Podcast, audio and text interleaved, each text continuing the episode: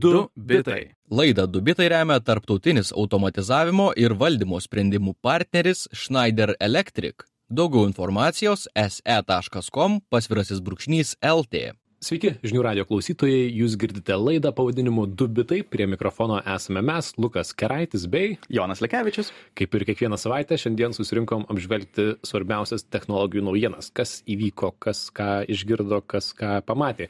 Ir jau trečia savaitė ir aš šiek tiek dėl to esu piktas, turime grįžti pirmiausia prie Elono Musko ir jo Twitterio istorijos. Ir aš pykstu ant Elono Musko, jisai bent jau trečiadieniais paleistų savo naujienas, kai mes ruošiamės laidai, bet ne, vos paskelbėm, ką jis padarė su Twitteriu, jisai pakeičia nuomonę, atlieka kokį nors reveransą ir turim aiškintis iš, iš naujo. Tuo teks paskirti jį kaip e, garbės trečių bitų. Tikrai.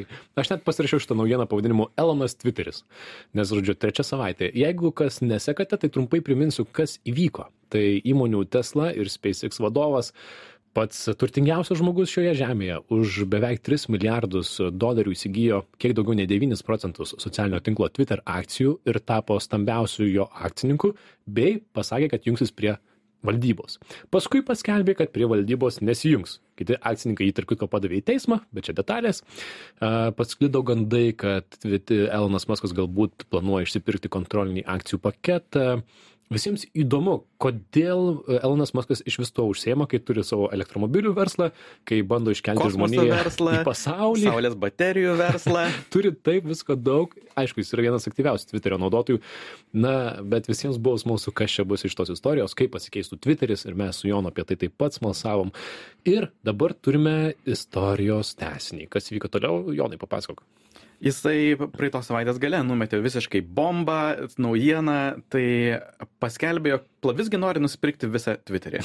Ir nori jį nusipirkti už daugiau negu šiuo metu jis e, yra mainomas. A, Šiuo metu kaina yra apie 46 dolerius, jisai pasiūlė 54,20. Tai su praėjusią už vakar. akciją už vieną Už vieną akciją, tai jam kainuotų iš viso apie 43 milijardus uh, dolerių. Nemažas kiekis jo bendrų, bendro turto, nes e, ypač dar toks, e, žinant, kaip, koks abstraktus konceptas gali būti tas milijardierių turtas, nes jis visas yra akcijose, kurias reikia parduoti, o tą turtą realizuoti. Visgi čia reikėtų jam visai nemažai sukauptų pinigų, iš tiesų nupirktų tą Twitterį. Na, bet pasakė, jog nori pirkti. Ir e, tada visas internetas pašėlo, e, bandydami suprasti, ką, kodėl, už ką. Ir, Ir, ir jeigu atverstume kortas, nuoširdžiai mes su Jonu, man atrodo, tai, tai tose kortose pasimatytų, kad ir mes esam šiek tiek pasimetę ir bandom susigaudyti, kas čia vyksta, kas nutiko Elonui, kodėl jisai sugalvojo turėti tokią problemą savo kišenėje, nes kaip mes jau nuo pat rugsėjo, kai prasidėjo ši laida, kartojam šį argumentą, kad būti socialinių tinklų vadovu yra labai labai sudėtinga. Paklauskite Zuckerbergo ir kitų. Tikrai nuo to gyvenimas nepalengvėja, tikrai dažniau į senatą reikia nuvykti Junktinėse valstijose, ką nors pasiaiškinti, Nesvarbu, ką darysi, vis tiek bus viskas bus nepatenkintų. blogai. Todėl suprasti, kodėl jisai taip daro, yra sunku. E, Mhm. Ir dabar yra keli pasirinkimai, ką jisai, ką jisai, kaip viskas gali įdėti į priekį. Jo, e, dar kita naujiena. Tai praėjus keliom dienom po to, kai jis e, numetė šitą naujieną, kad nori nusipirkti, Twitter valdyba pa, padarė pakeitimus savo įmonės nuostatose ir įvedė naują, taip vadinamą poison pill, nuodingos piliulės e, tokį punktą įmonės įstatymuose.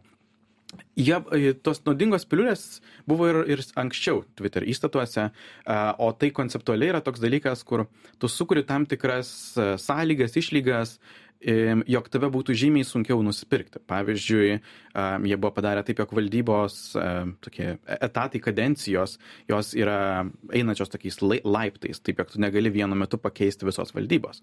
Ir buvo ten kito- kitokiausių išlygų, bet e, nauja yra labai radikali ir galima sakyti labai naudinga, nes jie nusprendė leisti, jog jeigu kažkuris akcininkas turi daugiau nei 15 procentų, kol kas dar tokių nėra, e, bet viršė 15 procentų ribą, visi likę akcininkai gali atsispausdinti beveik, galima sakyti, savo naujų akcijų su nuolaida ir tokiu būdu atskiesti tuos 15 procentų, taip pat sumažinant akcijų kainą ir tam tikrą prasme atpiginant visą, visą įmonę. Tad um, vėlgi tai, tai vadinama naudinga piliulė todėl, jog tai yra naudinga ne tik norinčiam įsigyti, bet ir pačiai įmoniai. Tai, o Twitter šiaip nebuvo labai turtinga. Mhm, bet kodėl Twitterio valdyba nenori, kad juos nupirktų turtingiausias pasaulio žmogus? Geras klausimas, nes jeigu tu pasižiūri bendrai, kaip sekasi Twitteriui, tai bet kas, kas žiūri iš išorės, sakytų, jog, na, jie turėtų džiaugtis, jog kažkas apskritai jų nori. Nes nuo jų viešo listingavimo tik 14 iš 33 ketvirčių buvo pelningi. Jų bendrai rekli- reklamos yra neefektyvios ir tokius dalykus kaip tos naudingas piliulės, tu bendrai darai tik tai tuomet, jeigu turi kažkokią labai stiprią ateities viziją ir nenori, jog kažkas pertrauktų tave, ją bevystant. Bet na vėlgi iš išorės žiūrint neatrodo jog valdyba turėtų kažkokią labai stiprią ateities viziją tviteryje ir netgi kai pasižiūri į tą valdybą jie neturi daug akcijų jie beveik nesinaudoja tviteriu įtartina kas ten Ką, ką vyksta kartoja ir Ir pats jiem Elonas neskauda Muskas. padaryti tokius naujus įstatymus, nes vėlgi jų pačių akcijoms tai nebus per kišenę. Tad turbūt jie daro tai todėl, jog gali ir jeigu, jeigu jie to nedarytų, Maskas jau yra pasakęs, jog, na, jeigu man pavyks nusipirkti, aš atleisiu visą valdybą. tai Tai šitą istoriją ne tik, kad na, svarbi ir socialinio tinklo likimui, bet to pačiu įdomi iš šono stebėti, kaip milijardieriai ir ypatingai didelės kompanijos tarpusavėje bando išsiaiškinti kažkokius, kažkokius reikalus. Bet tu praėjusią laidoje labai tiksliai paminėjai, kad nors finansiškai Twitteris yra tokia nelabai įdomi įmonė, bet e, ji turi politinį svorį, ar ne, kaip socialinis tinklas. Jis yra vienas pagrindinių kanalų, kuriame bendrauja politikai e, ir, ir visai yra kitoks negu Instagramas ar, ar Facebook. Mhm. Nes uh, vėlgi, kai Donaldą Trumpą išmetė ir iš Facebook'o, ir iš Twitterio, jam turbūt dešimt kartų labiau skaudėjo, jį išmetė iš Twitterio. Nes bendrai tai yra toks naujienų kanalas, kur jeigu tave seka, žymiai labiau tikėtina, jog matys beveik visus tavo įrašus, aktyviau seks, ką, ką tu rašai. Ir tai yra žymiai efektyvesnis kanalas kleisti savo žinutę tavo sekėjams. Ir ten net yra lengviau surinkti jų a, dešimtimis milijonų. Tad a, bendrai tai iš tiesų yra labai įtakinga įmonė, kuri vėlgi nesu, per savo keistus finansinius a, ir monetizacijos sprendimus nesugebėjo tos sėkmės paversti pinigais. Ir vėlgi Maskas, e, jo pačią paklausius, jisai sakė, jog aš esu vienintelis, kuris gali atrakinti Twitterį. Taip, e, na, Elono Masko argumentai, kad Twitteris turėtų tapti forumu laisvos kalbos, e, tam, tam būtinai įmonė turi būti privati, um, kažkaip skeptiškai tai skamba, bet sakykime, ir dabar Elonas Maskas turi kelis pasirinkimus. Tai pirmiausia, pirkti akcijas rinkoje jam dabar jau sudėtinga gaunasi dėl tos mhm. visos piliulės vadinamos funkcijos. Uh, kitas variantas, ką jis gali daryti, jisai gali atšaukti pirkimą, kuo pagrasino garsiai, kad atšauks pirkimą, e, visiems sakys, eikit jūs toli toli. Jo, ir Nes šiuo metu jisai akcijas. laukia atsakymų iš valdybos. Valdyba jau yra indikavusi per žiniasklaidą, jog turbūt atsakys ne. Ir tada bus blogai jiems, labai nepiragai, nes a, pirmiausia, tai jie jau įs- įstatė šitą nuodingą piliulę, kuri teoriškai jau turėjo atpiginti jų akcijas, bet kol kas jos laikosi tik todėl, jog dar yra toks tam, tam tikras nežinomumas, galbūt Maskas nusipirks už brangiau, bet vos pat, pataps aišku, jog jisai nebenusipirks ir jisai parduos savo 9 procentus. Tikėtina, nukris visas tas 25 procentų toks paaugimas, kurį jisai atnešė kaip investuotojas. Um, labai gali būti, jog tiesiog Twitterio akcijų kaina kris žymiai daugiau nei 25 procentais vien todėl, jog, na, jie savo užsidėjo minusą po minuso po minuso savo strategijomis dabar. O Maskas laimės bet kokiu atveju. Jam arba leis įsigyti Twitterį ir jisai džiaugsis turėdamas naują žaisliuką, arba jisai parduos savo įsigytas akcijas su gražiu 25 procentų pelnu. Taip, tad Elnas žaidžia Vabank arba jis žino kažką, ko mes nežinom, nes jis jau yra prisižaidęs. 18 metais blefavo su Tesla, patvirtindamas, kad užsitikrino finansavimą įmonės išpirkimui Už E, 4,20. už 40 vie- akcijos kainą ir gavo 20 milijonų baudą tuomet nuo Junktinių valstybių reguliuotojo. Tai ir šią akimirką taip pat jisai, pavyzdžiui, turėtų iš kažkur ištraukti tos 43 milijardus dolerių, Mhm. kas nėra maži pinigai net ir turtingiausiam pasaulio žmogui. Ir kol kas neturi na, kažkokių e, oficialių e, pareiškimų, kaip tai padarys, e, ką parduos ar kaip tai, na, kaip išeis, kad, kad galėtų nupirkti. Tad stebim šią situaciją, stebim šią istoriją, labai įdomu, kur jinai nukryps. Ir... Bijau, žinok, Lukai, jog jisai sugrįš ir ketvirtą savaitę iš eilės. Aš nesuprantu. Na, atleidžiam, mes įrašinėjom laidą kaip tik balandžio 20 dieną, 4.20 čia Elono mėgstamas skaičius, tai e, ta, ta, ta proga jam šiandien atleidžiam ir nepyksta man jo, bet kitą kartą, Elonai, prašyčiau iš anksto mus informuok, kas vyksta, nes nespėjom. Nespėjom iš paskos. Žinių radio laid- laidos klausytojam, klausytojam dviejų bitų priminsiu, kad girdite mus, Joną ir Luką, ir mes apkalbame technologijų naujienas, ir vėlgi buvom apie Twitterį ir Muską, o dabar antroji naujiena yra apie Netflixą, kuris pirmą kartą prarado prenumeruotojų skaičių ir šiek tiek tokie liūdni Netflixo Mhm. skaičiukai paaiškėjo. Trečiadienį jie paskelbė savo ketvirčio rezultatus ir jie buvo gerokai prastesni nei visi tikėjosi. Jie pirmą kartą, kaip paminėjai, prarado prenumeratorių. a, Prarado 700 tūkstančių iš Rusijos, kas nieko nestebina ir būtų labai suprantama ir tas nebūtų atsiliepę akcijų kainai. Tačiau jie sugebėjo priauginti tik 500 tūkstančių, kai prieš tai buvo prognozavę 2,5 milijono. Ir į tai jau rinkos sureagavo labai stipriai. Akcijos nukrito 25 procentais, po to, kai jau yra nukritusios 50 procentų nuo lapkričio, kai visi suprato, jog, na, karantinas baigėsi ir, a, nežinau, jų vizijos ir svajonės bliūkšta, tad a, Netflixas pradeda galvoti, kaip dabar gelbėti savo įmonės, taip sakant, rodiklius ir galvoja apie dvi iniciatyvas. Pirmiausia, jie supranta, jog a, yra labai daug žmonių. Uh, Lukas kelia ranką, nu pasipasakok, išsipažink. Yra labai daug žmonių ir aš tikiuosi, kad aš nesu vienintelis ir nemeluokit, kad taip nedarot, bet aš anksčiau turėjau e, Netflixo paskyrą, gal porą metų, bet dabar tikrai retai naudojuosi, tad turiu e, draugą, per kurio paskyrą nueinu į Netflixą, pažiūriu filmą ir tiek. Kaip Ir dauguma pasižiūri už jo prenumeratos Už jo pinigus. prenumeratos pinigus. Tai Bet- Netflixas mano, jog tokių yra šimtas milijonų vartotojų pasaulyje, kurie naudojasi kitų pa paskiromis ir nemoka už, Netflixą patys. Ir bandys dabar daryti įvairių iniciatyvų, kaip su tuo kovoti. Bandys dažniau klausti, primink, ar tikrai žinai savo slaptažodį, jo kad Kas esi tikrai... mane pakištų Aha. traukinio ratais. Ja.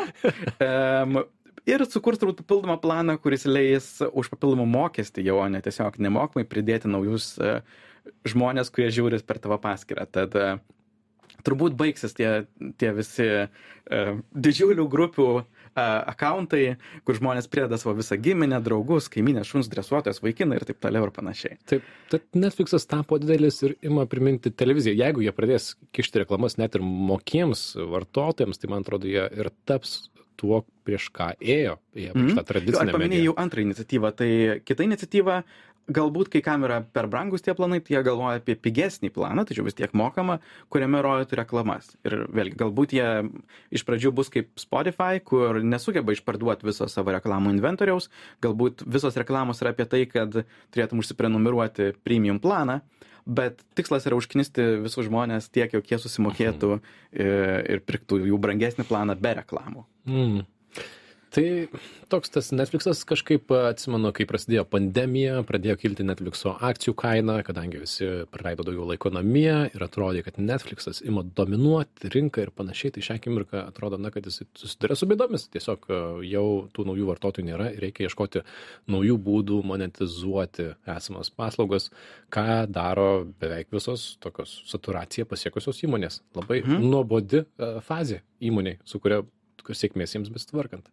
Bet šiaip Netflixas, e, aš kažkaip pastaruoju metu pats mažiau jo naudojuosi ir mažiau seku naujienų ir man atrodo, kad tai kažkaip mažiau ap apkalbama, ar ne, kai buvo visi, um, na, kažkaip iš tų serialų, kur visi kalbėjom prieš porą Squid metų. Game, Squid visi Game, kalbėjom, visi bet po to, kalbėjom. po to nieko nebuvo. Mhm. Aš bendrai irgi, žinok, esu labai nusivylęs Netflix paskutiniu metu, ir jie, nes jie pradėjo investuoti labai daug į realybių šou. Jeigu tau patinka maisto gaminimas, randi 30, bet jeigu tau patinka kokybiškos dramos, uh, atrodo baigėsi inventorius visų šitų idėjų ir, ir nežinau, į ką jie besitaiko.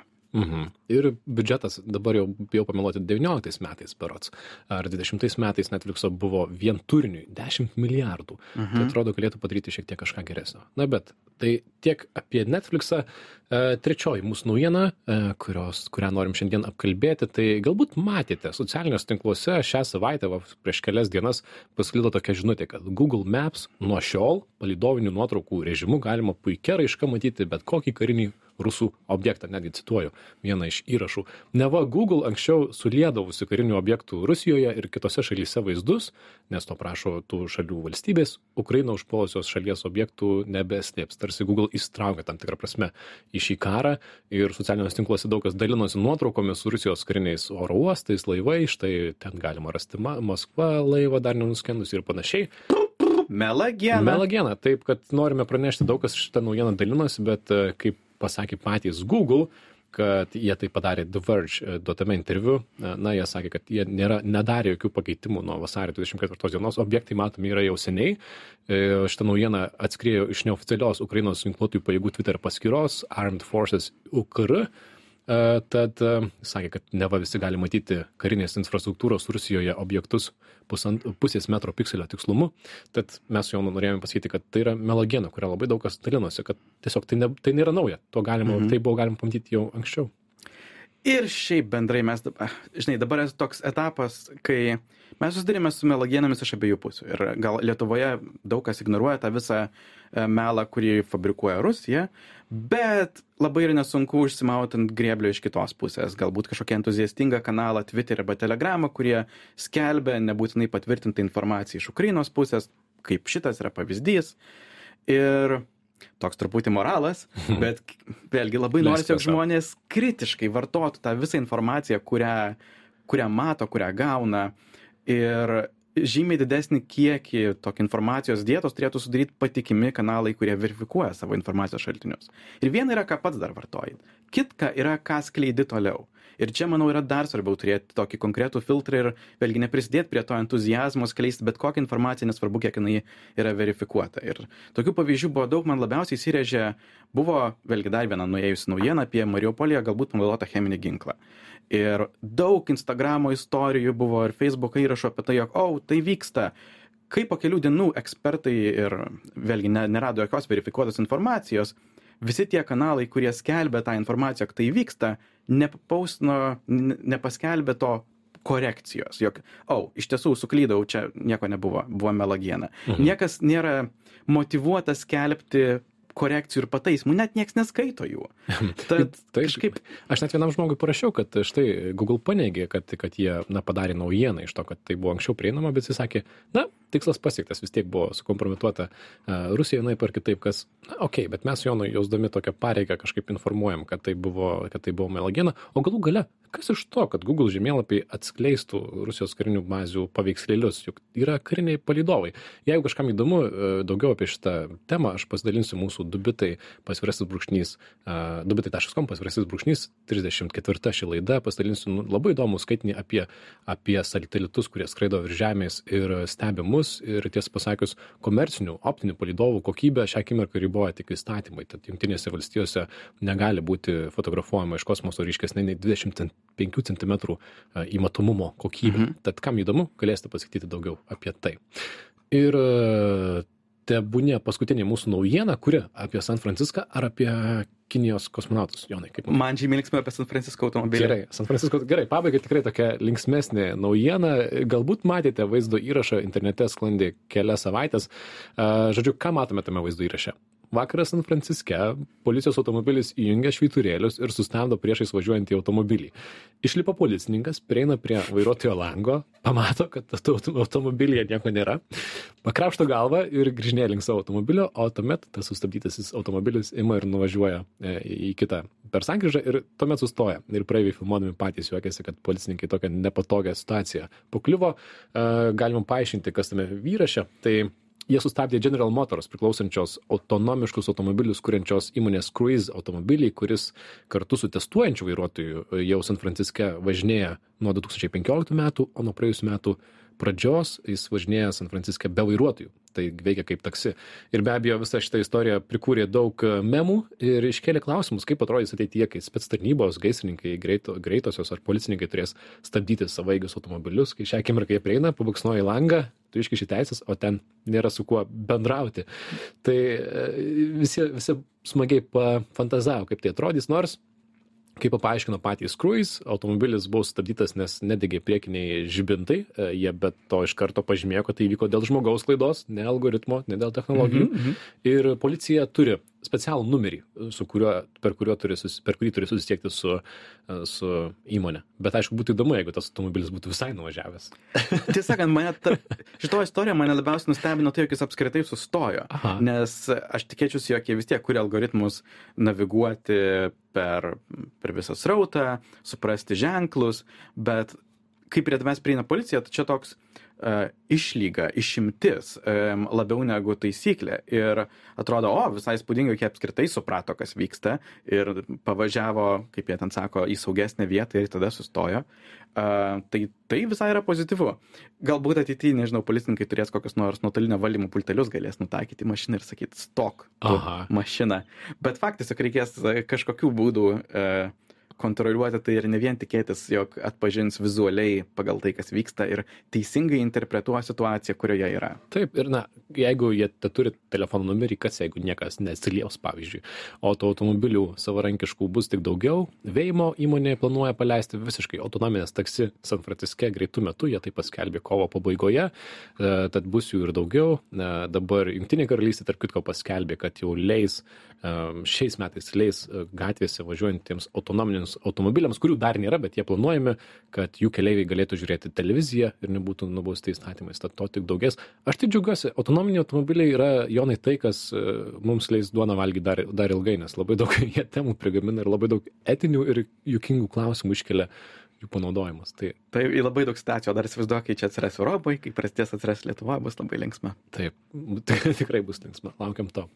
Uh, ir gerai, 30 sekundžių paskutiniai naujienai tai iš kinijos grįžo į iš kinijos į žemę grįžo kinijos argonautai tai yra kosmonautai kurie pusmetį praleido tiengongo kosminėje stotyje. Tai kol kas ilgiausia kinijos ilgiausias kinijos astronautų pasibuvimas savo vis baiginėjamoje statyti stotyje. Ji yra bene penkis kartus mažesnė už tarptautinę kosminę stotį bet mažai naujienų iš kinijos būna kažkokių įdomesnių ar kartais net teigiamų pas mus laidoje. Tai pasakysime kad e, kinija sėkmingai plėtoja savo tarptautinę kosminę stotį kurią žada užbaigti šių metų pabaigoje. Jėga? Tilpau 30 sekundžių. Mhm. Nors vientisas ilgiausias pasibuvimas kosmose priklauso Valerijui Poliakovui. Jisai prabuvo kosmose daugiau nei metus 437 dienas. Tad, na, stebėsime, kaip sekasi Kinijai ir grįšime prie kosmoso temų, manau, dar ne kartą. Girdėjote laidą Dubitai, čia buvome mes, Lukas Keraitis ir Jonas Lekevičius. Užbaigiam savo greitą kalbės ir kaip visuomet šios ir kitų laidų įrašus rasite žinių radio interneto svetainėje žinių radijas LT. E, visus epizode panaudojamus šaltinius ir informaciją apie mus galite rasti mūsų interneto svetainėje dubitai.com. Klausykitės mūsų visur, kur tik patogu, galite pasiekti mūsų tinklalaidžių programėlėse, Spotify'e ir kitur, o mes atsisveikinam iki kitos savaitės, grįšim su kitom naujienom. Iki. Iki. Du bitai. Laidą Du bitai remia tarptautinis automatizavimo ir valdymo sprendimų partneris Schneider Electric. Daugiau informacijos se.com pasvirasis brūkšnys LT.